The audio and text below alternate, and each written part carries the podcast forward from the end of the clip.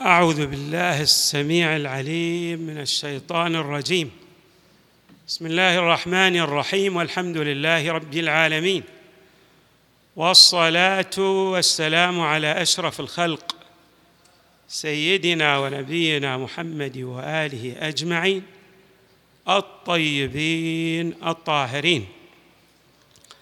قال الله تبارك وتعالى في القرآن الكريم إنما يريد الله ليذهب عنكم الرجس أهل البيت ويطهركم تطهيرا وقال نبينا المصطفى صلى الله عليه وآله الحسن والحسين إمامان إن قاما وإن قعدا إمامنا الحسن عليه السلام له أدوار متعددة في التاريخ.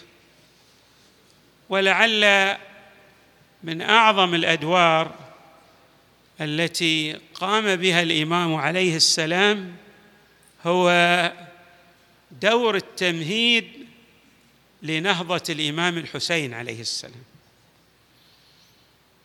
الأنبياء والرسل والأوصياء عليهم السلام يمهد بعضهم لبعضهم الآخر.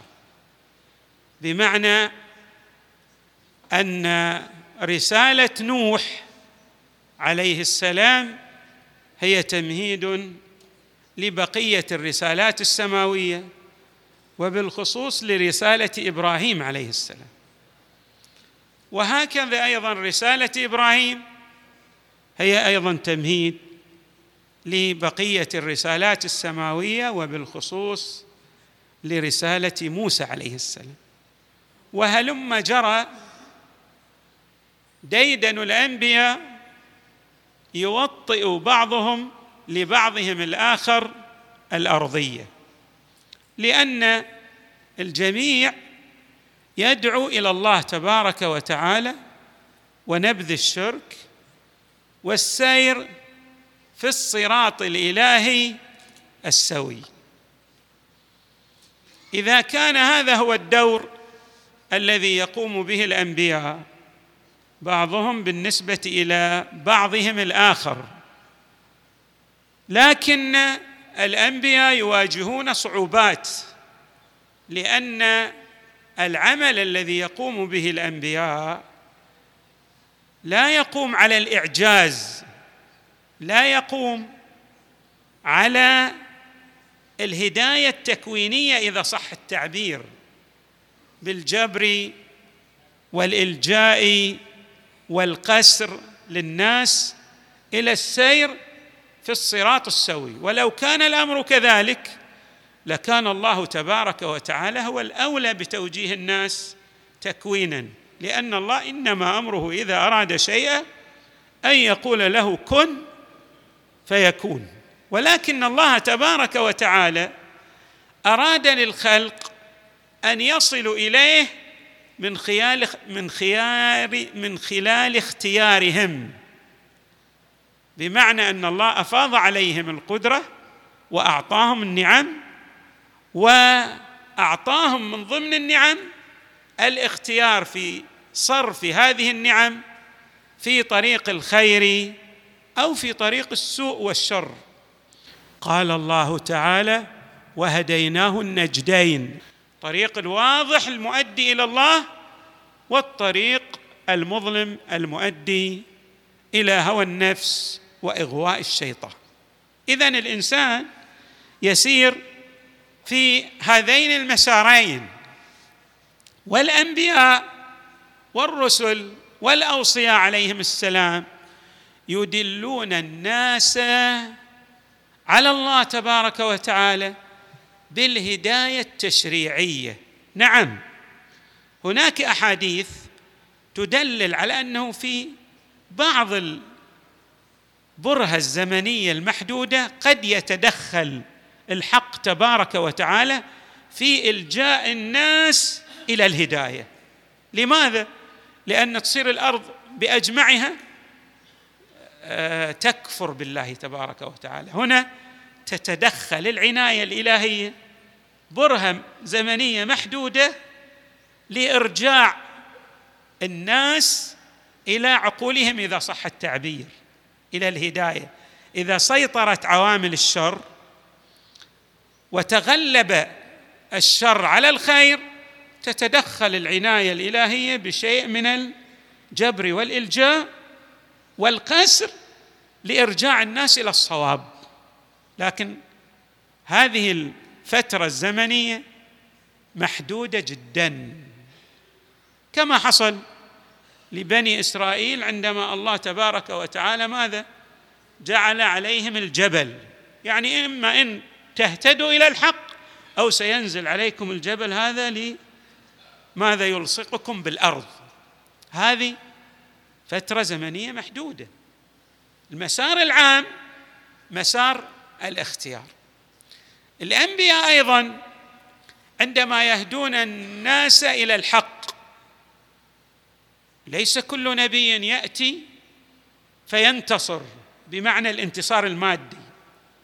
لا يعيش فترات من الصراع. وبعض الأنبياء نتيجة للسنن الكونية التي وضعها الله تبارك وتعالى لاختبار الناس قد ينتصر. وبعض الأنبياء باصطلاحنا هو منتصر في كل الحالين ولكن يتغلب عليه خصمه فيقتل ذلك النبي. لكن النبي عندما يقتل مو معنى أن النبي انهزم أو أن مبادئ النبي ماتت. ولذلك نجد أن بعض الأنبياء قتلوا شردوا. مثلا يحيى زكريا دانيال. مجموعة من الأنبياء تغلب عليهم الجبابرة وقهروا الإرادة العامة للناس فلم يستطع الناس اتباع هؤلاء الأنبياء. وقد صدحت آيات القرآن أو بعض آيات القرآن الكريم بأن بعض الأمم المتقدمة علينا كانوا يقتلون الأنبياء ويفتكون بالرسل ويغيرون المبادئ. ونحن نعلم الأحاديث كثيرة في هذا الشأن. لكن عندما يتغلب الباطل على الحق أيضا هذا لن يدوم طويلا.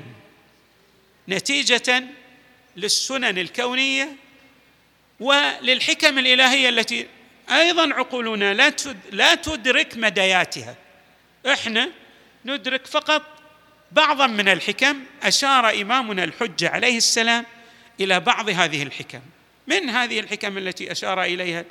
الامام المهدي هذه الحكمة. يقول لو كان هؤلاء الأنبياء التي تجري على أيديهم المعاجز لهداية الخلق إلى الحق دائما ينتصرون.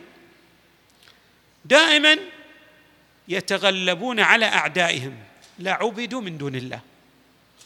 يعني الناس يشوفون هؤلاء في درجة عالية من العظمة والاقتدار والمكنة فبدلا أن يعبدوا الله يتوجهون إلى عبادة هؤلاء الأنبياء والرسل والاوصيه وبالفعل الآن بعض الأنبياء يعبد كعيسى. وبعض الاوصياء كعلي عليه السلام أيضا من المغالين يعبد. يعني يرون أنه هو الله هذه اذا الإمام المهدي يشير إلى هذه الحكمة. يقول الله أجرى على الأنبياء والرسل أي يتغلب عليهم أعداؤهم. لماذا؟ لحكمة أو لحكم. من هذه الحكم حتى لا يعبد هؤلاء حتى يعرف الخلق أن هؤلاء عباد لله.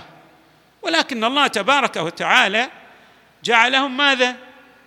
همزات وصل. يوصلون الخلق إلى الحق تبارك وتعالى. نجي الآن إلى الإمام الحسن. اقتضت حكمة الله في زمن الإمام الحسن أن يتغلب الباطل على الحق. هذه حكمة الله تبارك وتعالى. طيب الإمام الحسن كان يدير دفة الأمور بمعنى يريد أن يوصل خلق إلى الحق لكن الظروف معاكسة إذا صح التعبير. والإمام أراد أن يطوع الظروف يهيئ الأرضية إلى المستقبل. ليس كل الجماهير تدرك حقائق الأمور. وتؤمن بماذا؟ بحقانية الإمام الحسن. بعض الناس عنده ماذا؟ يعني إدراك بسيط حتى لو كان من المؤمنين. يعني هو يتبع الإمام ويرى أن الإمام دائما لا بد أن يتغلب على غيره. ونحن نعرف أن بعض أصحاب الإمام أمير المؤمنين نتيجة لما حدث في زمانه شك في إمامته. قال لو كان هذا إمام معصوم مؤيد من السماء لما جرت هالأحداث المضادة له. يعني هناك أحداث جسام. بعض عقول الناس لا تستطيع تحمل هذه الأحداث. وحتى في زمان الإمام المهدي عليه السلام ستكون هناك أحداث بعض الناس لا يتحمل هذه الأحداث. بمعنى يتراجع إلى الوراء يقول أنا خلاص هذا حده.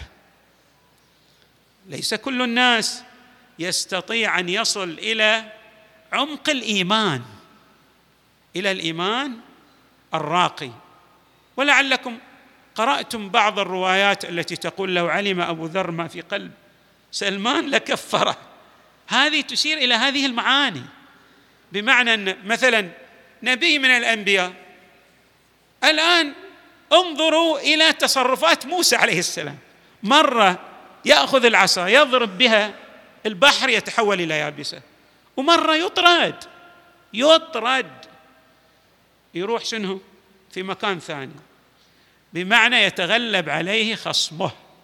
هذه حقائق تاريخية والقرآن كل هذه الحقائق جاء بها بلورها بل بعضها شرحت في آيات القرآن. يعني بينت آيات القرآن الكريم الحكم أو المصالح المترتبة على تغلب الباطل على الحق في بعض الأحايين.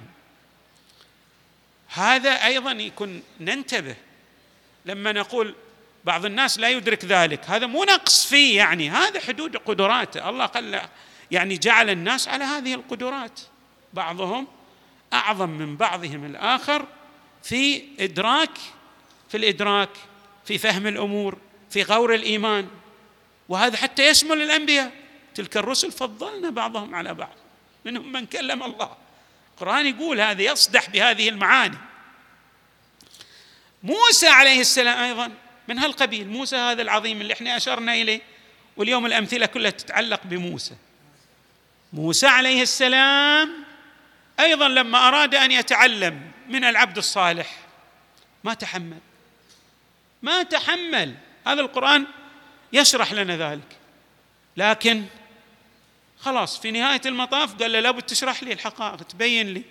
فذاك بعد قاعد يبين لي قال ها أي الأمر على هذه على هذا الديدن على هذه الشاكلة؟ عرف. ابتلى إمامنا الحسن عليه السلام في زمانه ببعض المؤمنين مخلصين. طيبين خيرين لكن لا يدركون مديات وحقائق وعمق وغور ما يتعلق بالمنظومة التشريعية من ناحية والمنظومة التكوينية من ناحية أخرى والارتباط بين المنظومتين. فتصور هؤلاء عندما أبرم الإمام عليه السلام الصلح بينه وبين معاوية إن ذلك هو إذلال للمؤمنين. فكان بعضهم يخاطب الإمام عليه السلام يسلم على الإمام وهو من المخصين يقول يا مذل للمؤمنين. شو شلون؟ وهذا طبعا سوء أدب والعياذ بالله. ولكن يعني يتصور يقول له شلون أنت هذا إذلال لنا إن هذا يتولى مقاليد الأمور وأنت ابن رسول الله صلى الله عليه وآله لا تستطيع أن تفعل شيئا إذا صح التعبير. مثل ما كان بعض الأنبياء في زمانهم لا يستطيع أن يقوم بشيء في زمانه نتيجة هذه الظروف والملابسات التي أشرنا إلى بعضها بشيء من الاقتضاب والاختزال الشديدين. الإمام عليه السلام كان يبين حكمة الله تبارك وتعالى. يبين هذه الحكم بمثل الآن هذه الومضات التي أشرنا إليها بشيء من الاقتضاب والاختصار. يقول له أنا مو مثل المؤمنين أنا أعززتكم ولكن أنتم لا تشعرون بهذا الإعزاز. قال له كيف؟ هذا بعضهم يسأل الإمام كيف أنت يعني أوجدت لنا العزة؟ قال له واحد أنا حفظت الديمومة للمبادئ الحقة. هذا يحتاج إلى حفظ كما كان بعض الأنبياء في السابق. لا ينتصرون. يعني إحنا الآن أعظم نبي في التاريخ غير مسار الكرة الأرضية غير محمد. طبعا محمد هو أعظم الخلق على الإطلاق. ولكن أعظم الأنبياء إبراهيم. إبراهيم كم واحد اتبعوه؟ أربعة. ومنهم واحد بعد ابن خالته هو لوط عليه السلام. لوط ترى ابن خالة إبراهيم يعني أمهاتهم أخوات. ما في يعني لا طيب وإبراهيم تعرض إلى شنو؟ إذا صح التعبير انتكاسات كثيرة ومتعددة نتيجة الظلم والغطرسة والجبروت. لكن ما نقدر نقول إبراهيم والله ما نجح في التاريخ. لا إبراهيم نجح بس مو نجح في زمانه نجح في زماننا هذا. نجح في الأزمنة نجح في المستقبل. الأمر كذلك بالنسبة للإمام الحسن. لما تنظر إلى البرهة الزمنية التي عاشها الإمام الحسن ما تقدر تقول والله تشوف ذيك الصولة والجولة للباطل. تقول الإمام الحسن كما قال بعض هؤلاء المؤمنين البسيطين في تفكيرهم الإمام اذل المؤمنين لكن لما تنظر إلى الامتداد الزمني طيب إيش قد ترتب على هذا يعني المسار الحسني من خيرات كبيرة؟ بدأت شيئا فشيئا كما بدأت في مسار إبراهيم شيئا فشيئا إلى أن تكون أيضا الثورة العامة التي تغير الكرة الأرضية بأجمعها من وضع هذه الأسس والتمهيدات لبقاء واستمرار المؤمنين؟ هو الإمام الحسن عليه السلام. ولهذا يقول بعض علمائنا الكبار من المحققين يقول ثورة الحسين هو هي حسنية قبل أن تكون حسينية لأنه هو حفظ الثلة من المؤمنين وظل هذا الوضع على هذا المسار على هذا الصراط. فاذا الإمام عليه السلام الإمام الحسن في الحقيقة قام بدور كبير جدا. مبادئ الرسالات السماوية. الحفاظ على مبادئ الرسالات السماوية وأيضا الحفاظ على الثلة من المؤمنين. ترى الأمويون لا يريدون اسلاما لكن اضطروا إلى قبول الإسلام. ولهذا تجدون مثلا أن يزيد ماذا يقول؟ لعبت هاشم بالملك فلا. خبر جاء ولا وحي نزل. ما في وحي ولا في كذا. هذا محمد كذب على الناس. الأمويون هذا مبدأهم. يعني هم عندهم هم برغماتي دنيوي يريدون أن يصلوا إلى مآربهم. ولكن نتيجه التضحيات الجسام والتخطيط الإلهي والتأييد من عند الله تغلب الحق على الباطل لكن مو في الزمن هذا المحدود وإنما في الامتداد الزمني العميق كما تغلب إبراهيم عليه السلام وبقية الأنبياء صلوات الله وسلامه عليهم أجمعين. ولهذا الإمام الحسن هو معز المؤمنين. ليس في زمانه وإنما في كل الأزمنة حتى في زمان إمامنا المهدي صلوات الله وسلامه عليه. نسأل الله أن يحشرنا مع أئمة أهل البيت وأن يختم لنا بالحسنى. والحمد لله رب العالمين. صلى الله وسلم وزاد وبارك على سيدنا ونبينا محمد وآله أجمعين الطيبين الطاهرين.